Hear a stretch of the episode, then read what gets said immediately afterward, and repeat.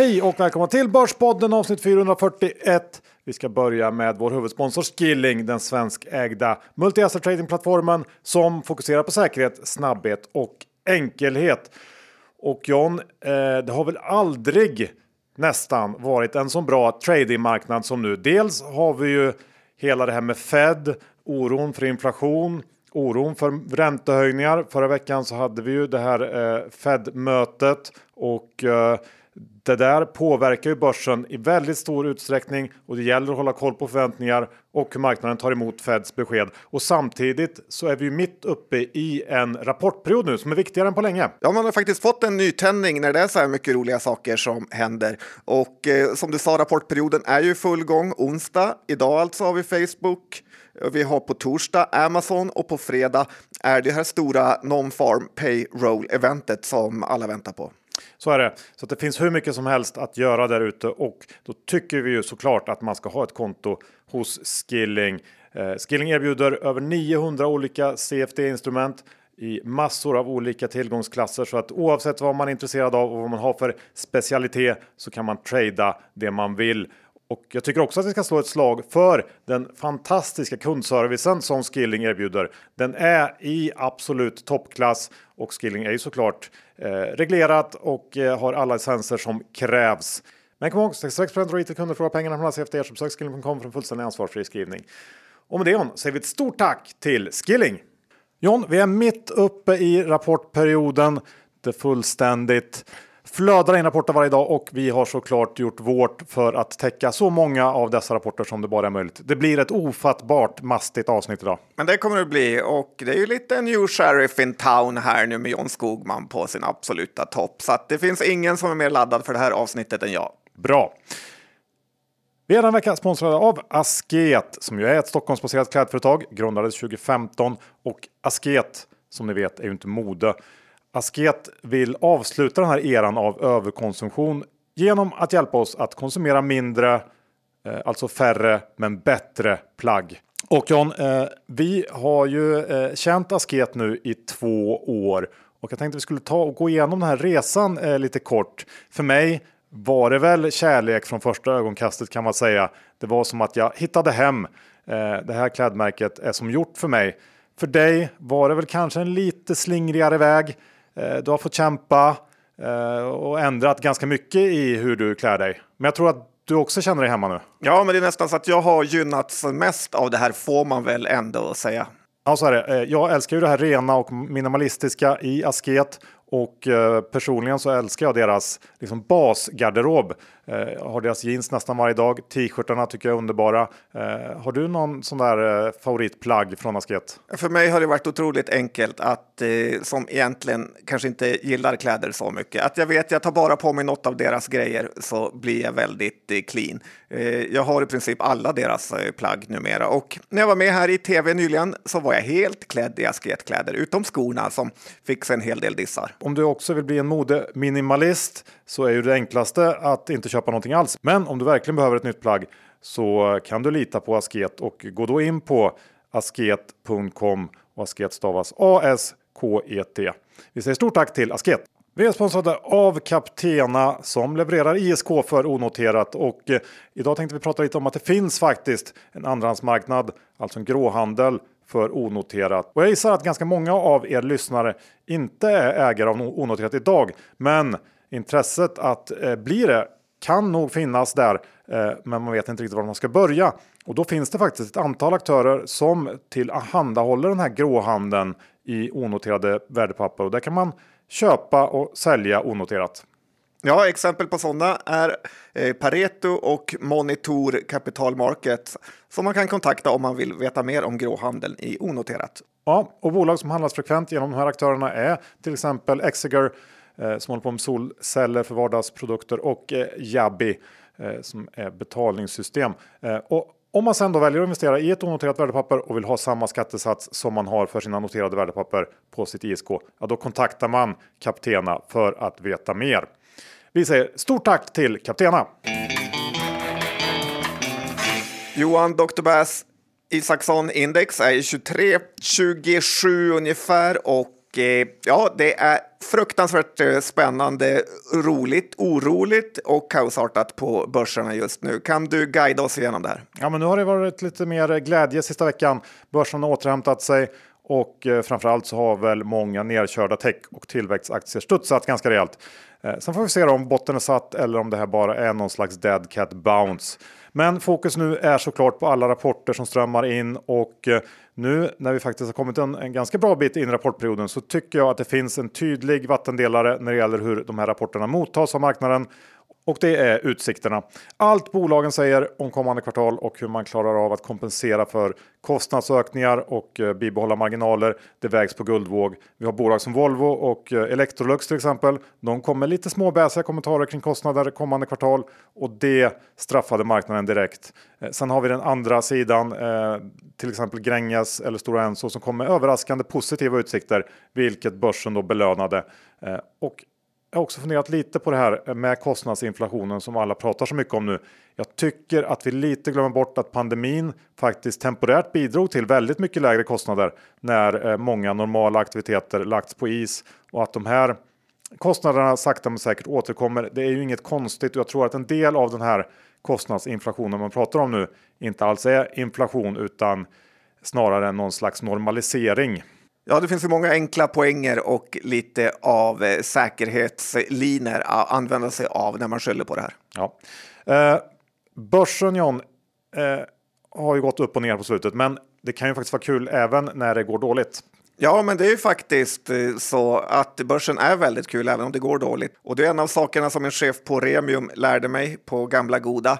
Eh, min absolut första dag fick jag sitta bredvid honom som ett barn för att se och lära. Och Volvo kom den dagen med rapport. Eh, efter kolen så frågade jag vad han hade gjort för något och då svarade han lugnt. Jag förlorade just 400 000. Jag trodde den skulle gå upp men den gick ner. Och sen USA öppnade sen på eftermiddagen så gjorde han en attack till och sa oberörd att där fick jag tillbaka 200 000. Eh, och sen när dagen var slut eh, så sa han tänk vad mycket roligare vi haft eh, idag än nästan alla andra eh, haft på sina jobb. Så att jag tycker man kan se lite så på börsen. Man tjänar inte pengar alla dagar, men nästan varje dag är spännande och eh, händelserik ändå. Eh, sen ska ju det kanske tilläggas att jag är absolut inte oberörd efter sura dagar utan tillhör ju med det här Aftonbladet-gänget som har förlorat livsgnistan och tänker att jag aldrig mer kommer att ha råd att köpa saker. Jag sa faktiskt till mina barn här förra veckan att bara så att ni vet nu så är vi fattiga. Ja, du får ju någon väldigt så här skorpan-aura så fort det går lite dåligt. Jag, inte, jag tycker själv att jag har blivit ganska mycket bättre på det här genom åren. Eh, du stay the same på något sätt. Ja, du är lite Iceman får man eh, ge dig. Jag är ju mer av humörspelare. Ja, faktiskt. Över till något helt annat John, för i veckan så fick vi då äntligen eh, ett positivt besked när det gäller slutförvar för kärnkraften. Känner faktiskt att det här är en liten vinst för BP-partiet som i många år stått på barrikaderna och kämpat för kärnkraften i Sverige. Eh, och sen då samma dag som det här beskedet kom så satt jag på kvällen hemma och kollade kvällsnyheterna på TV4 och då gavs eh, såklart kärnkraftsmotståndarna ett ganska stort utrymme att få argumentera emot en sista gång. Och först intervjuade man Bolund som såklart var jättebesviken över att ha förlorat ett slag i sin kamp att föra Sverige så långt bak i tiden det bara går. Eh, men sen då gick man över till någon Greenpeace-människa som drog fram sitt toppargument till varför det här var ett felbeslut. Och eh, jag har eh, hämtat hem det här klippet. Jag tänker att vi lyssnar på det här nu så får du se vad du tycker om det John. På miljöorganisationen Greenpeace reser man frågan hur man varnar kommande generationer om tusentals år för vad som är nedgrävt i berget. Om vi tittar tillbaka, bara ett par tusen år tillbaka, de egyptiska pyramiderna, förstår vi ens hieroglyferna? Hur ska de kommande generationer förstå vad vi, det besked vi ger om slutförvaret och kärnavfallet, radioaktiva avfallet, att det är livsfarligt? ja, men det är härligt. Det är gött att Bolund och gänget är snart är ute ur riksdagen. Ja, men det här klassiska pyramiderna problemet, det såg man inte riktigt komma, måste jag säga. Faktiskt inte. Där har den läst på en del. Ja, den risken har man nog blundat lite för. Jag känner ju ändå att BP-partiet går en ljus framtid till mötes. Och givet ändå graden av fullständigt vansinne som många i sam samhället ändå går runt och håller på med så fungerar ju Sverige orimligt bra ändå. Och det bådar väldigt gott för när BP-partiet börjar få eh, tag i makten känner jag. Faktiskt. Eh, mina grejer att lägga ner alla simhallar och bibliotek har vi fått stå lite till sidan faktiskt för dina storhetsvansinne-grejer. Ja. ja, sakta men säkert kommer vi. Du, Två varningsflaggor har dykt upp i din, eh, ditt synfält. Faktiskt, eh, och eh, alla vet ju att det har varit lite av nynoteringskaos här under förra året när investmentbankirerna har lurat på spararna diverse bolag. Och man ska väl också säga att Finansinspektionen och de olika marknadsplatserna har ju heller inte tvekat på att godkänna de här prospekten. Så att det finns många skyldiga till alla härvor. Men nu finns det två bolag jag är lite extra rädd för här under rapportperioden och det första är Sleep Cycle som fortfarande har ett börsvärde på 1,2 miljarder för en app. Eh, jag provade ju att ladda ner den här appen i och med noteringen och har inte använt den en enda gång efter det. De har rapport eh, den 15 januari och det smarta de har gjort ändå får man ju säga är ju att man kunde ju bara signa upp sig på ett års avtal så att det kan ju bromsa den eventuella kollapsen jag är rädd för. Men det ska bli lite spännande att se hur nyintaget av kunder har gått. Jag är i alla fall väldigt skeptisk. Nej, jag säger absolut inte emot dig. Eh, sen har vi Synsam. Jag går ju nästan varje dag förbi deras stora affär på eh, Odengatan och den är jämt tom. Den tog de över från Handelsbanken och eh, som hade ett ganska stort eh, kontor där. Men sen ännu värre så har vi Synsam eh, som har tagit över McDonalds eh, butik på Hamngatan, vilket måste ju vara det största storhetsvansinnet någonsin. Om McDonalds inte får lönsamhet där eller tycker det är värt eh, att ha en restaurang där så undrar jag hur Synsam ska lyckas. På Hamngatan tänker jag att man är mycket ute efter turister och tillfälliga besökare som är inne i stan. Eh, att då sälja glasögon i abonnemangsform i samma butik som McDonalds eh, fanns i, det känns ju bara väldigt eh, konstigt tänkt. Det här är i alla fall mina två varningar för rapportperioden av kommande möjliga haverier för nynoteringar. Ja, jag köper bägge två tycker generellt att det här eh, abonnemangshysterin bland bolag eh, har ju gått i överdrift och Synsam är väl ett jättebra exempel på det. Vem vill ha abonnemang på, på glasögon? Ja, väldigt eh, få tror jag. Ja, jag tror också det. Men så har man ju sniperögon med så man inte behöver bekymra sig om det där. Nej, det är skillnad eh, på snipers och vanligt folk. Eh, årets sjukaste, ja vadå? Ja, statement får man väl säga har eh, skett. Essity eh, som lämnade en ganska, eller usel rapport. Eh, har ju underpresterat grovt, men styrelsen har inte tappat tron på Magnus Groth. Styrelseledamoten Susanne Lind dundrade in i aktien efter rapporten genom att köpa 20 stycken aktier. Eh, jag frågar mig då hur det ens är möjligt att sitta i en styrelse på ett av Stockholmsbörsens största bolag och komma på tanken att eh, köpa 20 stycken aktier för 5 000 kronor. Så att jag var tvungen att kolla upp det här och göra lite research och då såg jag att hon var en facklig representant i styrelsen, vilket gjorde det hela lite mindre hånfullt får jag säga och nästan lite charmigt att man ändå vill vara med och köpa aktier i bolaget man jobbar på, även om plånboken kanske inte är så stor. Ja, det var väl det var en förlåten. Du, eh, eh EQT, där är det ju saker man eh, ska känna till kanske? va? Ja, nu. faktiskt. Den handlas ju nu under kursen som topparna sålde sina aktier för i den här beryktade placingen. Eh, när de utan att vara det minsta bekymrade ljög om sitt lockup-avtal. Eh, media har ju sedan länge tystnat om den här frågan och verkar bara som att vi kommer ihåg hur de har sårat eh, småspararna. Glöm aldrig bort vad jättarna och deras jurister kan fixa till för att skydda sig själva och eh, sina pengar i alla lägen. Truecallers lockup-avtal bröts i samma sekund som det skrevs när det här Ocean-bolaget bestämde sig för att eh, sälja allt. Eh, jag måste ändå säga att investmentbankernas obryddhet om Finansinspektionen verkar vara helt otrolig. Det är som att de har 0,0 respekt för FI och eh, det gänget och de vet ju att de kommer undan med precis allt. Medan Erik Thedéen har mest fullt upp med att tycka att krypto drar för mycket el. Eh, rätt man på rätt plats brukar man ju säga Johan, men det kan man inte göra i det här fallet för då har Erik Thedéen inget jobb. Nej, eh, och det skulle han inte ha om BP-partiet kom till makten heller kan jag säga. Nej, då hade det varit... Eh, ryka direkt. Han och Bolund. Yep. Du, um, det är ju ändå uh, rapportsäsong. Ja, det ja. vet vi. Mm. Och Eh, alla det- som lyssnar på podden. det innebär ju också att det är konfkål-säsong. Och då tänkte jag att det passar bra med en liten konfkål-skola. Och eh, först så ska vi komma i rätt stämning här. Eh, så att jag ska bara sätta på en liten grej här. Om du väntar lite. Eh, så där, så ska vi se. Så. Eh, den här, känner du igen den här låten? Ja, den är ganska vidrig. Ja. Alla som har lyssnat på ett konfkål har ju hört den här låten eh, innan själva kolet börjar. Och det är väl kanske inget direkt fel på den, men lite variation behöver ju inte vara fel här, känner jag. Ehm, man skulle ju eh, förslagsvis kunna rulla sista avsnittet av Börspodden till exempel. Vad vet jag, men, men här känner jag att det finns någonting att jobba med. Vi, vi kan stänga av den här nu. Ja, gärna tack. Men konfkålsdagen, det är ju till för att alla analytiker som följer ett bolag ska få möjlighet att diskutera kvartalsrapporten med ledningen. Eh, men vem som helst kan lyssna in och det kan faktiskt vara ett bra sätt att få lite mer ledtrådar kring utvecklingen framöver, men också lära sig mer om ett bolag.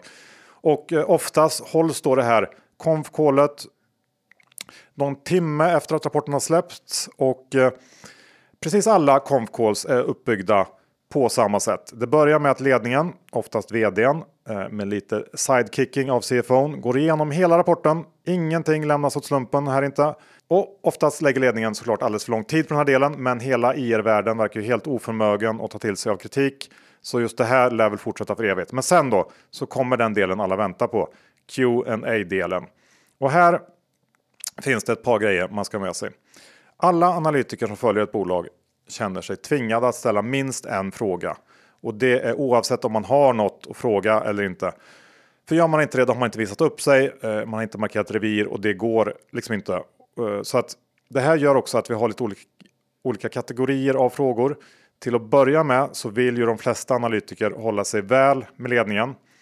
Så merparten av alla frågor inleds med någon typ av beröm. Kanske Great Quarter Guys. Har du hört någon annan? Eh, mycket förnamn är det också som används. Sant. Så är det. Markera att man känner varann, man har ett eh, stort kontaktnät. Ja, eh, bra poäng. Sen då kan man dela upp de här frågorna eh, i två huvudkategorier. Och den första är då de här väldigt detaljerade frågorna som rör eh, obskyra poster i redovisningen. Eh, och de ställs väl oftast kanske för att man inte har något bättre att fråga. Det kan vara frågor som handlar om någon liten post i balansräkningen eller någon valutakurs som rört sig åt något håll. Eh, och i samband med de här frågorna också så hör man ofta fraser som Can you put some color on that? Eller Can you elaborate on that? Och flavor, Johan. Flavor, ja. Viktigt. Eh, flavor är också ett vanligt ord. Den andra huvudkategorin handlar om frågor som ledningen eh, inte kan eller får svara på. Och jag kan ta ett färskt exempel här från gårdagens Nobia Call när en analytiker frågade om de kunde säga något om exakt hur starkt momentum bolaget har nu. Och ledningen svarade då att eh, det kan vi inte kommentera, men momentumet är starkt. Eh, alltså ingen blir klokare av de här frågorna.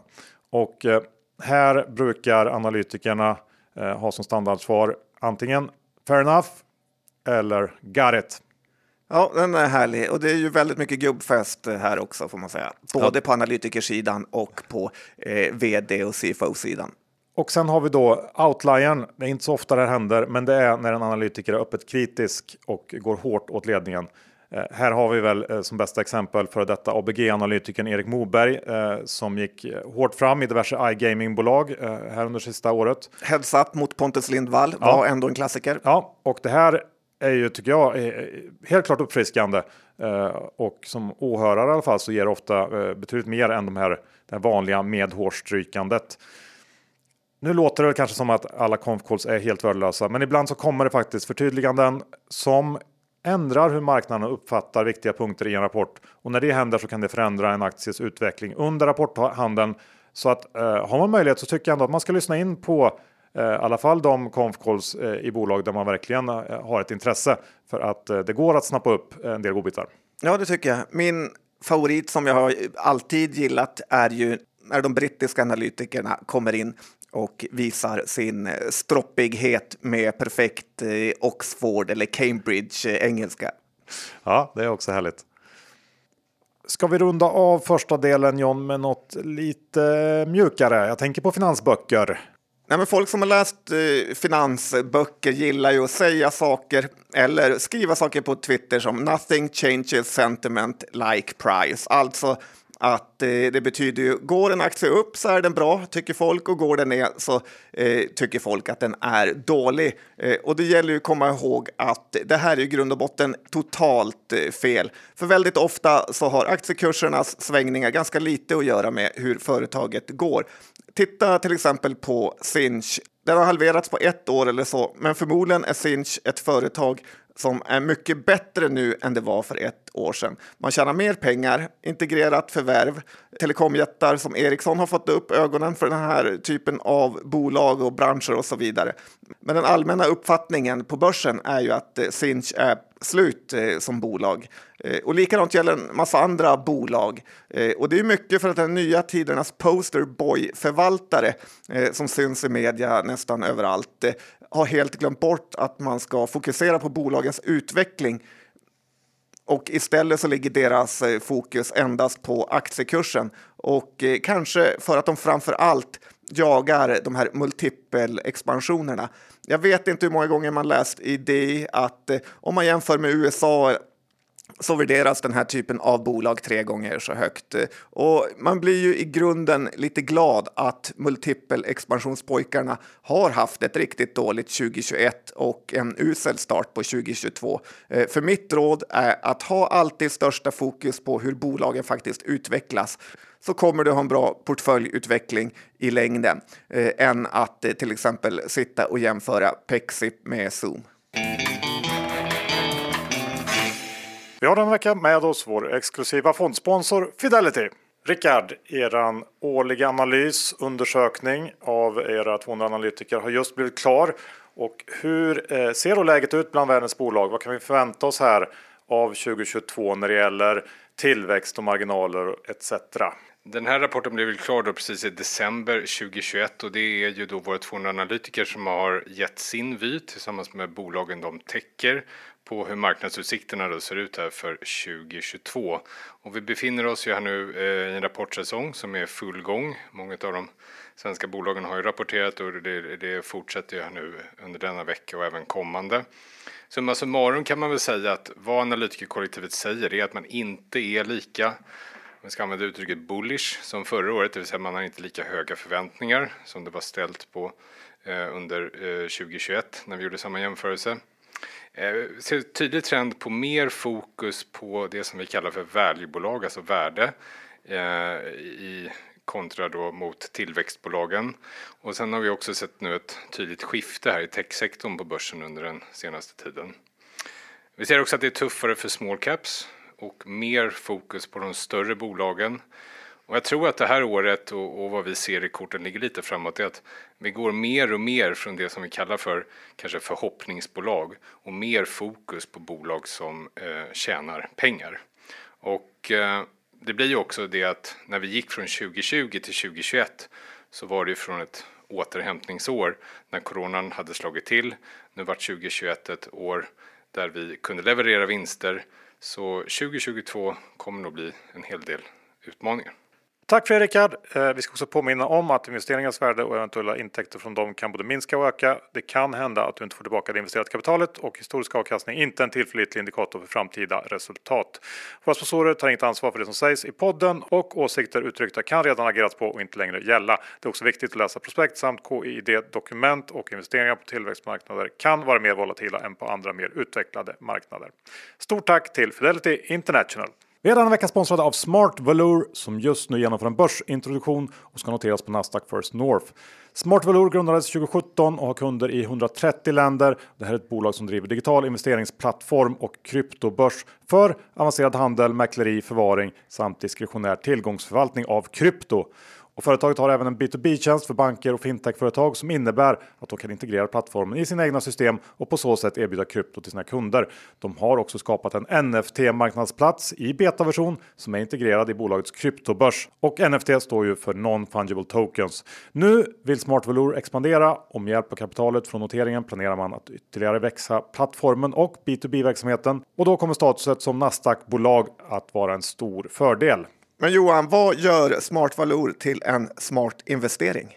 Ja, dels har vi marknaden. Det händer mycket med krypto. Det är en tillväxtindustri som nådde ett börsvärde på 3000 miljarder dollar förra året. Och som de flesta kanske märkt så har det också rört på sig en hel del på marknaden sista tiden. Och det här är någonting som gynnar bolaget i och med att de bedriver en handelsplattform. Bolaget befinner sig redan i uppskalningsfasen och transaktionsvolymen ökar med 1000 förra året. Och eh, Smart var också först att få tillstånd till att bedriva kryptobörs och erbjuda depåtjänster under schweizisk och liechtensteinsk reglering. Och slutligen, trots sin relativt korta tid så har företaget redan uppnått lönsam tillväxt. Intäkterna uppgick till 70 miljoner under de senaste 12 rapporterade månaderna och dessutom så har företaget uppnått break-even ända sedan start. Ja, jag är väldigt glad att det här företaget har valt Sverige för sin notering och anledningen är ju att Sverige ligger i framkant vad gäller fintech. Sista dag att teckna sig via Avanza Nordnet är torsdag den 3 februari. Så om du tycker att det här är intressant, då tycker vi att du ska gå in och läsa mer i bolagsbeskrivningen. Och eh, kom ihåg då, sista dag för eh, att teckna sig är den 3 februari. Vi säger stort tack till Smart Velour. Vi är sponsrade av Indoor Golf Group som satsar på att göra inomhusgolf tillgängligt för alla året runt. Man spelar faktiskt 18 hål på mindre än timme i deras Trackman simulatorer och kan välja bland hela 140 banor som till exempel Barsebäck eller varför inte Pebble Beach. Och Indoor Golf Groups värdeord är älska golf året runt. De är inte framtagna bara för att lyfta fram inomhusgolf på vintern. De innefattar faktiskt också en ambition att växa och utveckla sporten på alla bredder. Och John, som ett led i det, vad har hänt då? Ja, det är att man har blivit eh, officiell partner eh, med Svenska Golfförbundet och kommer i augusti arrangera en av Europas största proffstävlingar för herrar på Challenge Tour utanför Helsingborg. Ja, läs mer om den här Challenge Tour tävlingen på www.indoorgolfgroup.se och eh, där hittar man också sitt närmsta center. Boka en tid med koden BP2022 så får du 15% rabatt på din speltid, vilket ju är en bra deal. Jag ska passa på nu när jag snart ska iväg på golfresa. Så BP22 för 15% rabatt på indoorgolfgroup.se. Vi säger stort tack till Indoor Golf Group. Ja, vi har massor, massor, massor av rapporter att gå igenom nu så att vi får liksom bara köra igång och eh, skynda på lite. Jag tänker vi börjar med H&M eh, som var en av förra veckans ljuspunkter. Eh, bolaget slog estimaten med råge och introducerade ett återköpsprogram. Men jag tror ändå att marknaden blev lite besviken på eh, H&M's current trading, eh, alltså utvecklingen eh, i början av det här innevarande kvartalet från slutet av december till slutet av januari. För då ökade försäljningen med 20% Det kan ju eh, vid en första anblick se ganska bra ut, men då ska man ha med sig att jämförelsetalen var väldigt lätta och tittar man på samma period för två år sedan så innebär det här att man kom, eh, kom in eller ligger ungefär 8% lägre då i år än innan pandemin och eh, det här jämförandet med nivåerna innan pandemin har ju varit en stor grej i H&M. I Q4 nådde man ju äntligen upp till samma nivå som 2019, men nu tar man då alltså ett steg tillbaka på något sätt kan man säga och eh, det är också en förklaring till att eh, aktien kanske inte har orkat gå upp eh, ännu mer. Nej, och eh, som du sa, Q4 är ju för att H&M har brutet räkenskapsår som nästan alla klädbolag har för att eh, just januari brukar vara så svag. Så man vill jämna ut det lite på året. En sak du inte tog upp är ju bomullspriset som fortsatt skena får man säga. Eh, gått upp 6% bara senaste eh, veckan här. Så att det, det är ju lite oro som ligger för just klädbolagen. Däremot så tycker jag att man ser återigen den här skillnaden på att det är de eh, utländska aktörerna som har mycket lägre riktkurser eh, och är mycket mer negativa till H&M medan de svenska analytikerna är mycket mer eh, positiva till H&M. Och jag tycker faktiskt här att man får ge svenska gänget mer rätt. För tittar vi tillbaka på höstens rapport, alltså Q4 då, som var vi just innan höstlovet, så stod ju hm aktien i 160 efter det. Och de svenska var positiva och de utländska var väldigt negativa. Och efter det har ju aktien eh, Eh, gått upp och man har fått 6,50 i utdelning här. Så att eh, jag tror att det är så att de utländska bankerna har det, de faktiskt någon analytiker som kanske rattar H&M lite med vänsterhanden medan här i Sverige är det ett prestigeuppdrag eh, och därför är de mer noggranna. Så här tycker jag man ska gå på svenska gänget och faktiskt se H&M nedgången här som ett köpläge. Ja, det var ju som en, en gammal kollega till oss på Remium berättade att han hade varit i USA och så sa han att eh, Han jobbade med svenska small caps och då sa eh, den amerikanska killen så var okej, okay, you mean like H&M?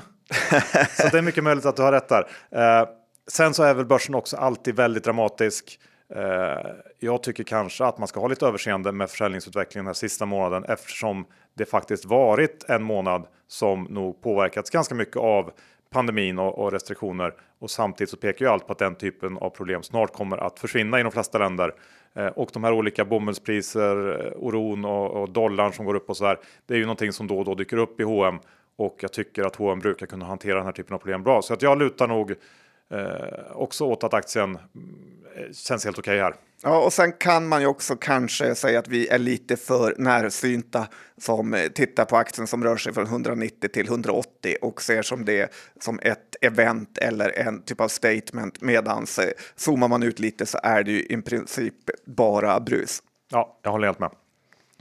Eh, jag tänker att jag river av Volvo också snabbt så har vi tagit de två stora. Eh, och jag har ju någon slags eh, ritual eller rutin eller vad man vill kalla det när Volvo rapporterar. Eh, det börjar ju med att eh, man bänkar sig framför det i tv när Hägerstrand kommenterar siffrorna som trillar in live. Eh, och det är ju alltid någon typ av kul grej tycker jag. Ja, faktiskt. Han är ju som att han tar det där personligt. Ja, och även om man här då först var lite besviken, främst på att Volvo valde att snåla på utdelningen och behålla så mycket kassa, så landar han ändå alltid i vilket fantastiskt bolag Volvo är och att aktien är otroligt billig. Han är och, som dig på Goldman Sachs eller Carnegie Johan. Han vill verkligen ha jobb där. Ja.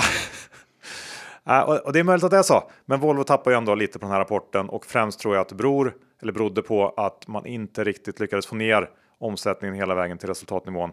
Det är de här stigande kostnaderna som börjar äta sig in och eh, det har ju börsen inte gillat under den här rapportperioden. Eh, och det finns väl en oro för att det här ska fortsätta vara ett problem under 2022. Orderingången var ju jättehög, mycket bättre än väntat. Så det är inte på efterfrågesidan som problemet ligger.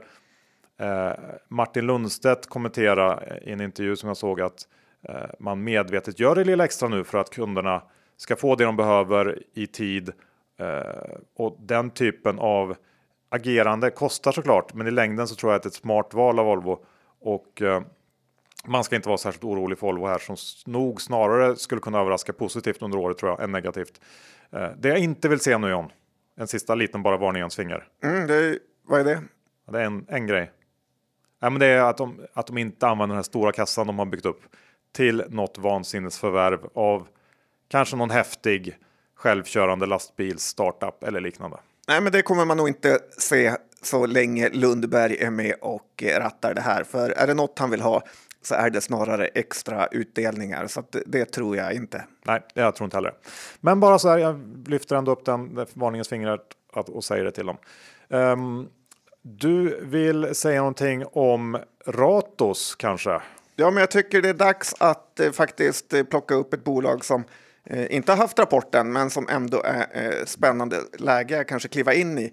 Och eh, de har ju fortsatt lyckats vara helt eh, disrespekterade av investerarna här. Eh, man har ju inte i närheten av samma värdering som de andra serieförvärvarna och handlas nu i 48 kronor ungefär.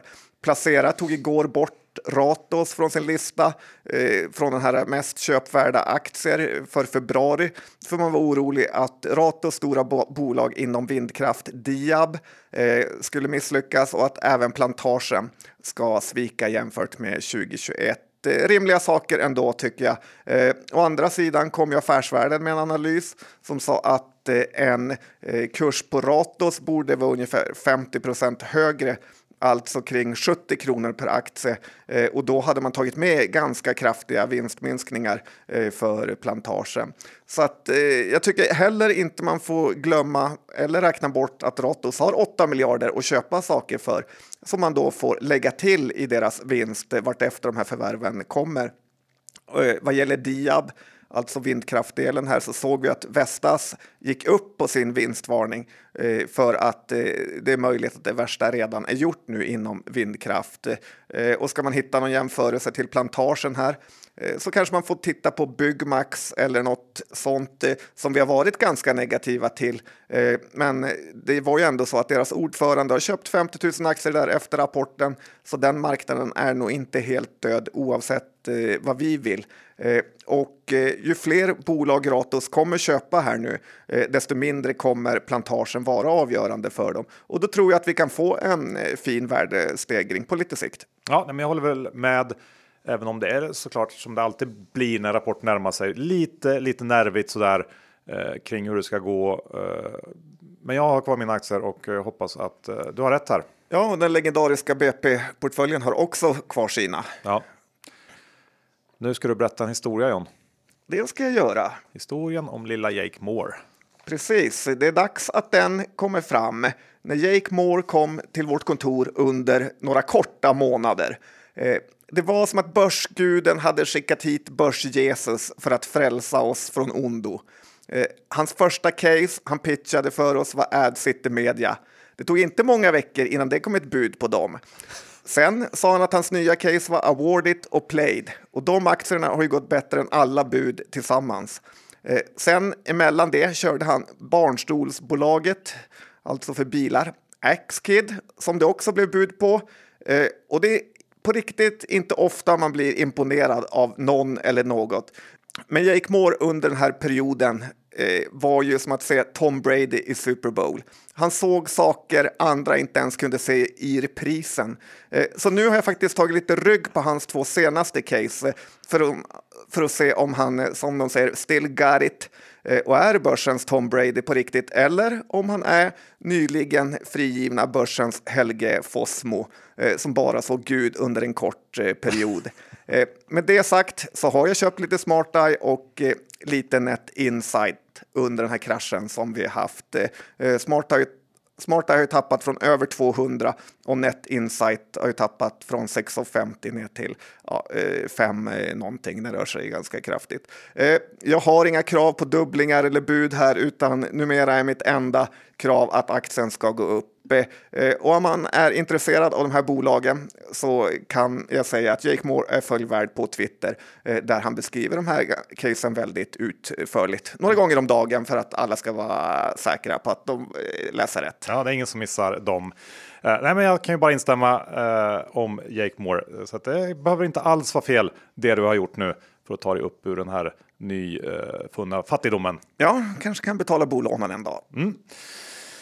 Uh, Autoliv har rapporterat också. Ehm, och det här är ju en sån här rapport, eh, Autolivs Q4 ehm, där man helt kan skita i siffrorna för Q4. För att Autoliv är ju ett av få bolag i Sverige som guidar på helårsbasis och då landar allt fokus av förklarliga skäl på den här prognosen. Och i sin guidance då för 2022 så sa Autoliv att man ska växa 20% organiskt och ha en justerad ebit-marginal på 9,5 eh, och det Eh, var lite, lite, lite bättre på tilläggssidan, men tyvärr snäppet under eh, när det gäller lönsamhet och eh, då om man räknar på det här så innebär det att man med den här guidningen hamnar ungefär 5% under vad analytikerna räknade med för helåret. Samtidigt får man med sig Autoliv brukar vara lite försiktiga i sin guidning och givet hur mycket alla priser på allting rör sig upp och ner just nu så vill man nog inte gå ut för aggressivt här i början på året. Så att jag tror kanske att eh, dels har man varit försiktig och marknaden kanske oroar sig lite onödigt mycket här. Eh, och om inte annat så tror jag att det kan komma att skapa lägen vid kommande rapporttillfällen eh, för att jag tror att Autoliv snarare kan komma att höja den här prognosen än att sänka den under året. Så det kan vara väl värt att ha med sig i huvudet till kommande rapportperioder.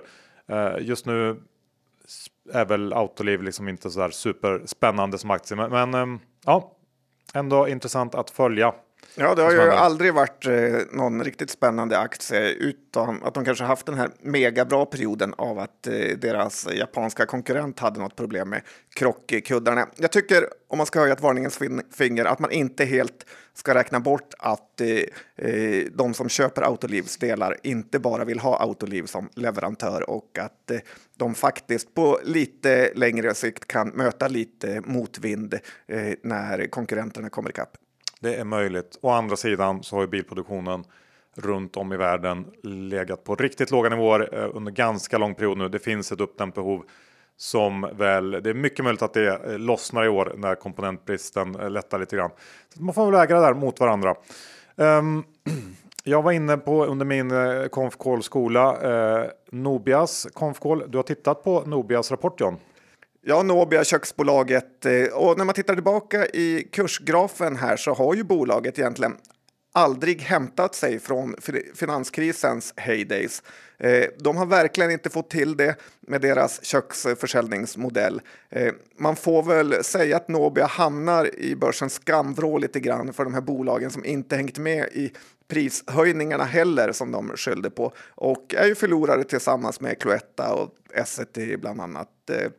Eh, eh, det man aldrig får glömma bort vad gäller Nobia är ju att de egentligen är ett projektbolag eh, Eh, som de här större ordrarna eh, går mot nybyggen och för eh, renoveringar i projekt. Då. Och man tänker lätt istället att de riktar sig bara mot konsument, men så är det inte. Svedbergs var ju under många år i samma typ av loser-position tills de på något sätt lyckades göra om sitt bolag till att bli mindre projektberoende.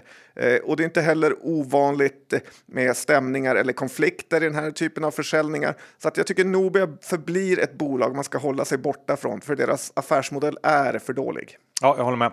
Jag tycker också att rent konkurrensmässigt så ser man ju hur det poppar ut ett gäng liksom mindre eh, oberoende kökstillverkare. Varje år nästan så kommer det något nytt eh, och de ligger ofta lite. De har örat lite närmare rälsen och är snabbfotade när det gäller trender och hur köken ser ut. Så här. Jag känner bara att Nobia kanske ligger, hamnar lite på efterkälken och har svårt att hänga med eh, i det här. Ja, så är det nog och det märks i aktiekursen. Mm. För de ligger inte först i alla fall. Det gör de inte.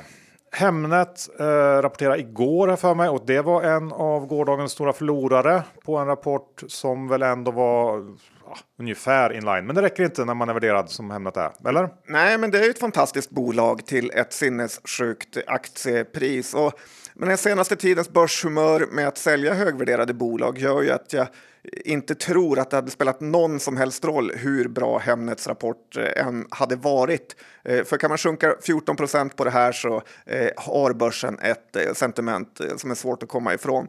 Kanske lite triggades det av en sån negativ artikel i DI om att många går förbi Hemnet nu och jag såg att Carnegie tog upp det i sin note men jag tror personligen inte på det. Alltså att eh, du eh, skippar att annonsera på Hemnet. För om du säljer ett hus eller en lägenhet för massa miljoner eh, så sparar du egentligen inte in på någon tusenlapp för att inte vara med på Hemnet, utan man tycker nog att det är värt att ha det. Visst att en massa projekt ändå gått utanför Hemnet, men det är mest för att bostadsmarknaden varit så enormt het att det räckt för mäklarna att lägga upp vissa objekt på kommande så har de sålts direkt eller på deras egen hemsida. Eh, sådär så där bara. Men lite spelar det här ingen roll åt det ena eller det andra hållet tycker jag, hur man tolkar det. För Hemnet är alldeles för högt värderat och eh, jag orkar absolut inte vänta på att Hemnet växer in i någon rimlig värdering, utan då väntar jag antingen på ytterligare ett rejält kurstapp eller bara skippar den som det verkar just nu. Eh, det är lite som när töntiga fondförvaltare på det ska uttrycka sig, eh, så känner de sig inte bekväma med värderingen Johan. Och du är inte bekväm? Nej, Nej men eh, jag vill inte heller bekväm med den. Jag, jag håller helt med. Eh, jag tycker det var bra poänger du tog upp där och jag har ingenting att tillägga. Um, Catena Media uh, har inte rapporterat än, så det kan vi bryta av med någonting som eh, snart ska rapportera? Ja, men det här är ett spelbolag eller affiliatebolag är det väl främst som många surrar om nu.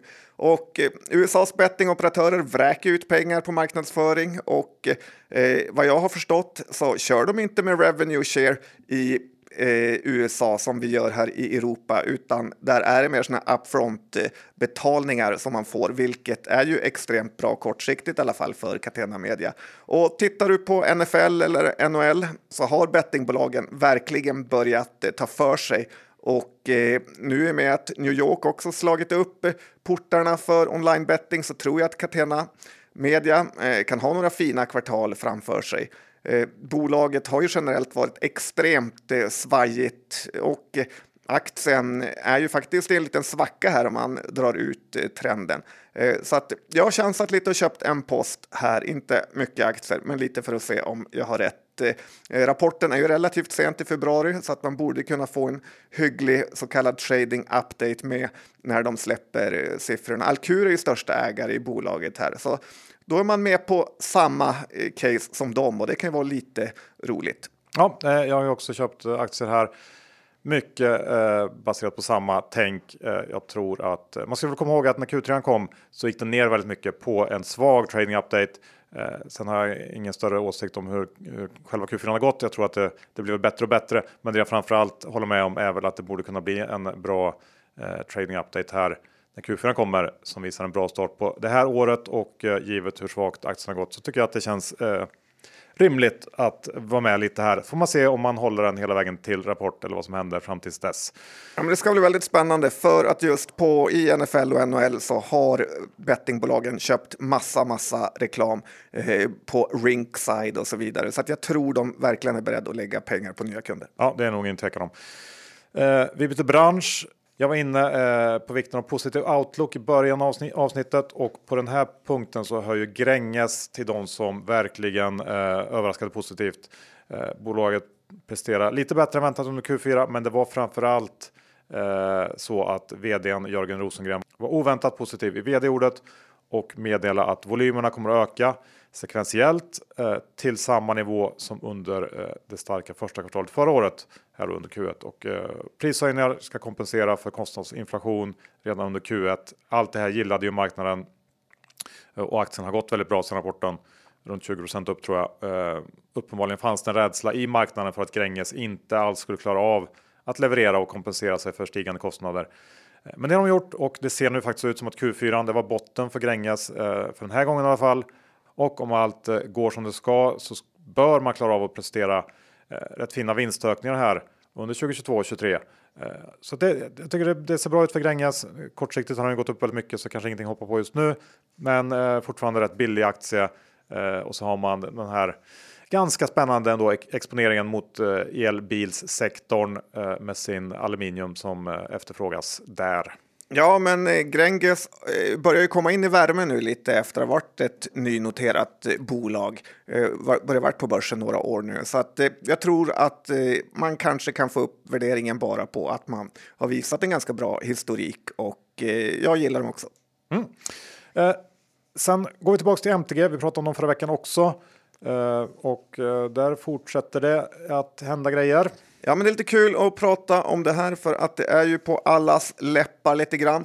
Och det mesta är väl kanske redan sagt. Men det jag vill tillägga är att när det kommer sådana här lägen som det har gjort i MTG så är det ofta ett fantastiskt läge att eh, snitta in sig i en aktie när den går ner. Man vet att bolaget eh, ska få en massa cash, eller får väl i alla fall anta att affären kommer gå igenom. Man vet att resterande del är lågt värderat och eh, när man ser flödena så är det också rätt troligt att det dels är vinsthemtagningar men förmodligen också fonder som har haft det e-sportsbettet nu och eh, kliver av. Och eh, då tycker jag att i vissa lägen så kan man verkligen jobba med att köpa den fallande kniven och nästan vara glad att ju mer den faller, desto mer kan man köpa för att man har oddsen med sig. Och som trader och investerare måste man ju våga ta de eh, tradesen när de kommer. Men vill du veta vad min innersta sniperkänsla är som eh, kanske inte alla andra kan se? Var hittar man den där? Är det i hjärtat eller i magen? Eller? Nej, Långt det... in i... Det är känslorna Johan, ja. svårbeskrivligt. Eh, nej men så här, ja, och det har jag inte hört någon annan nämnt heller, men jag tror Kanske ju... inte finns så många andra riktiga snipers där ute. Det gör det inte, i alla fall aktiesnipers är det få av. Men jag tror att eh, MTGs styrelse vill bli legendariska och jobbar nu stenhårt på att eh, även försöka sälja gamingdelen dyrt för att sen ha frikort resterande del av sin karriär. Eh, jag har eh, sålt en del aktier på den här uppstudsen men behåller en liten del som en option på eh, den här taken jag har. Och eh, Börspodden-portföljen har också en liten stek. Så dissa den inte för hårt nu. Nej, nej men eh, jag tror kanske att snipersiktet är lite felkalibrerat. Eh, möjligtvis. eh, jag är inte säker på att det där kommer att hända. Men visst, det är väl ingen omöjlighet. Nej, men det är ju en högoddsare såklart, ja. men man vet ju också hur mycket en sån här ledning vill bli legendariska och eh, för de har ju fått väldigt mycket cred eh, till höger och vänster för den här försäljningen de redan har gjort. Men nu har de chansen på en riktig slam dunk. Ja, eller så slår de till med något riktigt vansinnesförvärv det är ju andra sidan av myntet. Och det är inte heller omöjligt för att de inte vill bli mindre mäktiga som ja. de blir när de har sålt halva bolaget. Det är väl det de ska göra för pengarna delvis, förutom det de delar ut såklart. Nej, men jag håller med. Eh, oavsett så ser MTG eh, billigt ut i klassen så att säga, så att det där kan säkert bli helt okej.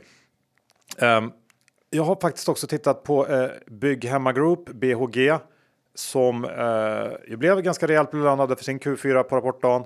Eh, det här är en aktie ska man komma ihåg som har tappat oerhört mycket. Den är väl mer än halverad sedan i somras tror jag. Så att man, eh, att man lyckades slå både omsättning och resultatestimat eh, rejält här bidrog såklart till någon typ av lättnadsreaktion. Men här tycker jag det är intressant att titta lite på de olika delarna inom BHG för att eh, de har ju en eh, DIY-del, alltså gör det själv-del och en heminredningsdel. Och de här två delarna gick ju åt helt olika håll. Eh, DIY-delen den underlevererade rejält samtidigt som heminredningen då kom in ja, nästan dubbelt så bra som, som väntat. Och eh, jag tror som sagt, eh, som vi varit inne på förut, att det här hemmafixarsegmentet kommer att få det lite tufft i år. Eh, det här kanske är eh, någon slags start av det som vi ser här. Samtidigt eh, kan man också tänka sig att eh, utvecklingen för den här inredningsdelen. Båda har gått inför lite andra e-handlare i den här nischen. Vi har ju eh, Rugvista som väl kanske ligger närmast till hands som skulle kunna vara ett intressant rapportbett på just eh, den här utvecklingen. Eh, ändå ja, intressant rapport. Ja, man gillar ju eh, bygghemma.se om alltså deras grundverksamhet. Däremot är jag extremt tveksam till heminredningen faktiskt. Chili och andra vansinnesaffärer de har gjort. Och sen tyckte jag att du glömde att nämna att de har ju en gigantisk nettoskuld med som eh, inte heller eh, bådar så gott. Så att jag är inte intresserad av bygg hemma faktiskt. Nej, jag är inte heller så intresserad av aktien, men jag tycker att den kan vara intressant att titta på av andra anledningar. Um, och, ja. Vilka då, om du inte är intresserad av konstiga äh, andra anledningar? För att jag vill bäsa hemfixarna. Jaha. Och där hittar jag lite bränsle här. ja, snyggt. Inte så kul för AJ. Nej, jag såg att det är någon som dissar dig där för AJ. Ja, men köp era små AJ-aktier ni. Fortsätt. Ja, du har haft fel hittills. Att... Ja. Precis, det är jättetryckt stämning här inne. Ja, återigen. Mm. Då går vi över till någon slags rövbransch. SSAB, B-Group. Ska man verkligen hålla på med den typen av bolag, John? Nej, för det ska man nog knappt för att det är så otroligt eh, lätt att eh, bli lurad i de här eh, extrema konjunkturbolagen. Eh, särskilt när de kryddar med hög utdelning då och då. Och jag tänkte att vi ska titta lite på just SSAB Group just för att de släppte rapport här väldigt nyligen. Eh, och i SSAB fall så står aktien i 48 kronor. Och vet du hur mycket de tjänar under 2021? Eh, 2021, då tjänar hon jättemycket. Eh, 20? Eh, nej, 14 kronor. Så ändå väldigt bra. Och eh, det gör ju att eh, 14 kronor i vinst på 48 kronor aktiekurs är ju extremt billigt i alla fall. Eh, man liksom kan jämföra med. Men och då är det lätt att tänka hur kan ett sånt här bolag vara så lågt eh, värderade? Eh, ja, men ta då och titta på några år tillbaka i tiden för att eh, man ska försöka eh, dela upp den här intjäningen eh, lite grann. För tittar du på 2020 så tjänar de faktiskt ingenting. Eh, och eh, ja, då kan man ju tänka att 7 kronor per aktie i snitt då. Eh, om du tar eh, det på två år, ändå ganska billigt om aktien står i 48. Eh, men så tittar man på 2019 och då tjänade SSAB en krona Eh, och slår du ut de här tre årens vinsterna så kommer man fram till 5 kronor per aktie och eh, ja, då har du P10 för SSAB, vilket eh, när man har hört det här, vilket börjar nästan kännas dyrt eftersom intjäningen är så slaggig. Och Sen så är det ju såklart framtiden som bestämmer och eh, de säger nog själva att de är ett mycket bättre bolag nu, eh, kommer ju ledningen att säga och vdn. Men det är de förmodligen inte, utan det är ju stålpriserna som bestämmer. Och Big Group är ju precis eh, samma sak. Eh, aktien kostar 140 kronor nu och tjänade sinnessjuka 38 kronor under 2021. Men likadant här, slår du ut intjäningen på tre år så kommer man fram till 14 kronor per år och då blir det också P10. Så att innan man rusar in i sådana här lågvärderade bolag, tänk steget längre att det faktiskt är en potentiell härva. Eh, så att, eh, ja, för både SSAB och B Group har ju nästan behövt fram till nu från att hämta sig från eh, den så kallade supercykeln som var just innan finanskrisen. Redan en vecka sponsrad av Saver, spartjänsten som gör fondsparandet billigare. Och eh, idag har vi med oss både eh, vd och grundare Daniel Arenstrup och Head of Pension Joakim Heidergren. Välkomna! Tack, tack, tack. Tack så mycket, kul att vara här. Ja, jättekul att ha er här. Eh, jag tänkte vi börjar med att eh, kolla lite vad som har hänt sen sist. Nej, men vi, uh, vi fortsätter att tuffa på. Vi nu över 90 000 kunder. Vi fortsätter bygga ut produkten där vi ser att det behövs. Um, vi har byggt någonting som är en första version av ett verktyg för att få ett, en fondportfölj byggd åt dig för dig som inte vill plocka upp den själv. Men eh, det stora då, därför som vi har Joakim här, är att vi eh, äntligen eh, kommit ut med tjänstepension. Och eh, det är någonting som vi vet både tänkte säga ointressant för många, men framförallt många som inte har koll på. Så att vi tänkte hjälpa till här och fylla i lite hur det fungerar. Ja, det är något eh, jag har i alla fall extremt eh, dålig koll på. Men kan du inte Joakim förklara lite hur det här med tjänstepension fungerar? Absolut, och till att börja med så tänkte jag bara förklara exakt hur tjänstepension kommer in i det totala pensionssparandet. Och när man tittar på pensionssparande så brukar man dela upp pensionen i tre olika delar. Det är första delen som är den allmänna pensionen och det är alltså pensionen man får från staten. Den andra delen är just tjänstepension och det är den pensionsdelen som man får från arbetsgivaren i samband med att man jobbar och sen så den tredje delen som är ett eh, privat sparande brukar man säga som kompletterar de två första. Tjänstepension är någonting som kanske inte de flesta har så bra koll på, men det är faktiskt för väldigt, väldigt många så utgör tjänstepensionen den absolut största delen av ens framtida pension eller när man väl slutar att arbeta. Så den är otroligt viktig att tänka på. Och hur ser marknaden ut? Eh, vilka är de eh, stora aktörerna? När man tittar på pensionsmarknaden så är det cirka 90% av allt kapital som inte inte ligger inom ramarna för kollektivavtal ligger hos så kallade klassiska pensionsbolag. Och ett klassiskt pensionsbolag är de här typiska försäkringsbolagen som man ofta förknippar med pensionssparande. Skandia, SPP, Länsförsäkringar med flera. Eh, storbankerna ligger också och deras respektive pensionsbolag ligger också inom det här kategorin då klassiska pensionsbolag. Och vad de här bolagen har gemensamt är att de tar ut väldigt, väldigt höga avgifter, väldigt onödiga avgifter i, i stor utsträckning från kunders sparande. Och de här bolagen, de tjänar väldigt mycket pengar på kunders okunskap i frågan, att kunder inte generellt sett har koll eller vill engagera sig i sitt pensionssparande, vilket gynnar de här bolagen som tar ut årliga avgifter eh, och tar ut väldigt höga avgifter årligen. Sen de här resterande 10 procenten av marknaden, det ligger hos mer digitala aktörer, mera nya moderna aktörer såsom nätmäklare och däribland Saver. Ja, eh, och det händer ju väldigt mycket nu inom privatsparandet. Eh, vi har uppstickare som ni eh, och vi har fondrobotarna bland annat.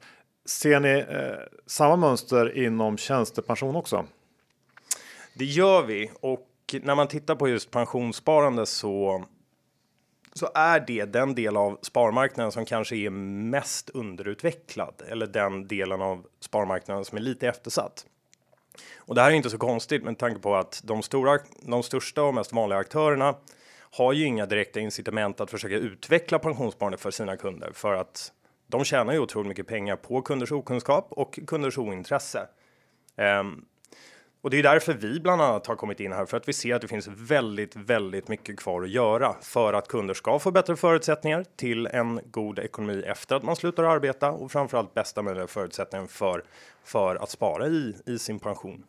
Ja, men vad är då viktigt att tänka på när det gäller eh, pension? Nej, men när det kommer till pensionssparande så, så skulle jag säga att det är otroligt viktigt att inte vara rädd för att eh, fatta egna beslut pensionssparande eller pensionsbolag rättare sagt. Eh, de drar ju väldigt stor nytta av att kunder är passiva i sitt sparande. Man ligger ofta i standardlösningar som kostar väldigt mycket pengar Eh, och att kunder generellt sett inte har särskilt bra koll på vilka avgifter man betalar. Och det här gagnar ju egentligen pensionsbolagen. Att kunder låter sitt pensionssparande ligga på hög och att man inte gör så mycket kring det.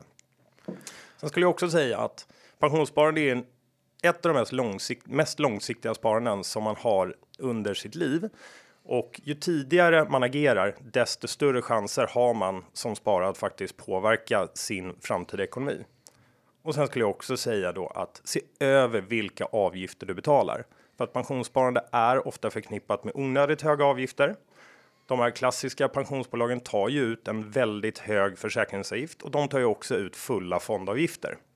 Här finns det ju faktiskt aktörer som gör det bättre för sparare och där du som sparare har möjligheten att sänka de här avgifterna och även bredda utbudet av vilka fonder du kan investera i. Och således får du ju då bättre förutsättningar till en högre pension. Det är ju eh, det är väldigt vanligt att när du får en ny tjänstepension från en ny arbetsgivare så får du liksom, då har de valt en fond åt dig. Så om du själv inte går in och liksom plockar upp din egen fondportfölj så får du ofta liksom en en standardfond och det är väl väldigt vanligt att det inte är den bästa fonden utan det kan ju ofta vara den någon tjänar mest pengar på eller som har högst avgifter.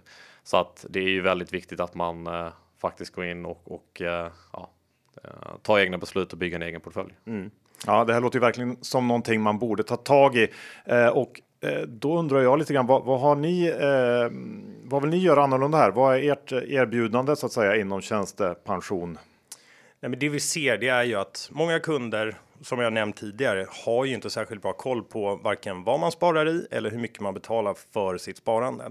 Och som Daniel nämnde så, så är det ju ofta till, till grund för att det är arbetsgivaren som ofta väljer pensionsbolag åt sina anställda när man jobbar. Men efter att man avslutar sin anställning hos det bolaget, då har man också som kund möjlighet att flytta pensionen eh, mellan då olika pensionsbolag. Man är alltså inte låst då till den, det pensionsbolag som arbetsgivaren väljer. Och här ser vi att kunder som ändå har möjlighet att påverka sitt egna pensionssparande och kan flytta pensionen då från det bolag som arbetsgivaren har valt. Då kan man alltså nu flytta den till Saver där du som kund har provisionsfria fonder i din tjänstepension och det här är ganska unikt. De flesta bolag erbjuder inte det här utan de här klassiska pensionsbolagen och även hos nätmäklarna betalar man ju fulla fondavgifter.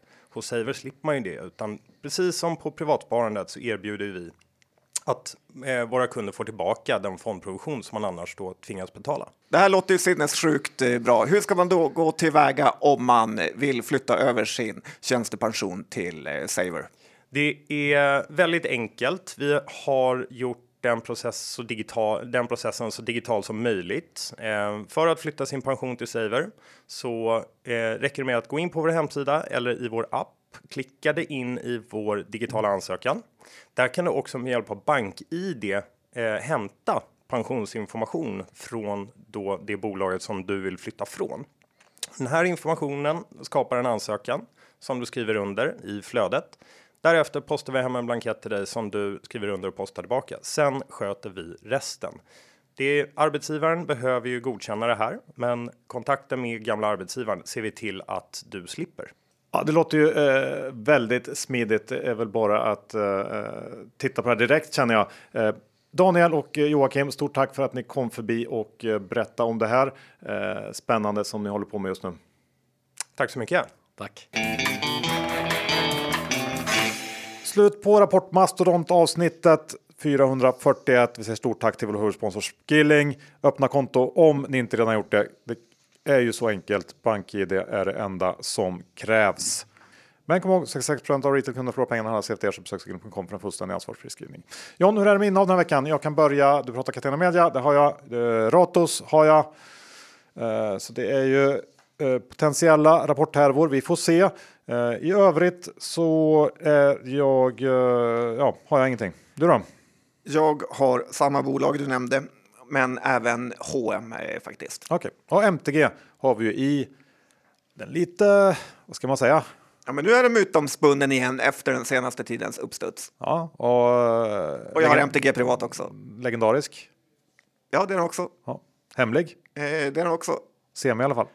Eh, varför, varför bara se mig? Ja, för att vi berättade lite, nu sa vi att vi hade MTG till exempel. Okej, ja, på så sätt. Ratos har vi också. va? Ja. ja, du ser. Kärt barn har många namn. Eh, tack för att ni lyssnade den här veckan. Eh, kämpa på där ute i rapportfloden så hörs vi om en vecka igen. Hej då! Det gör vi. Hej då!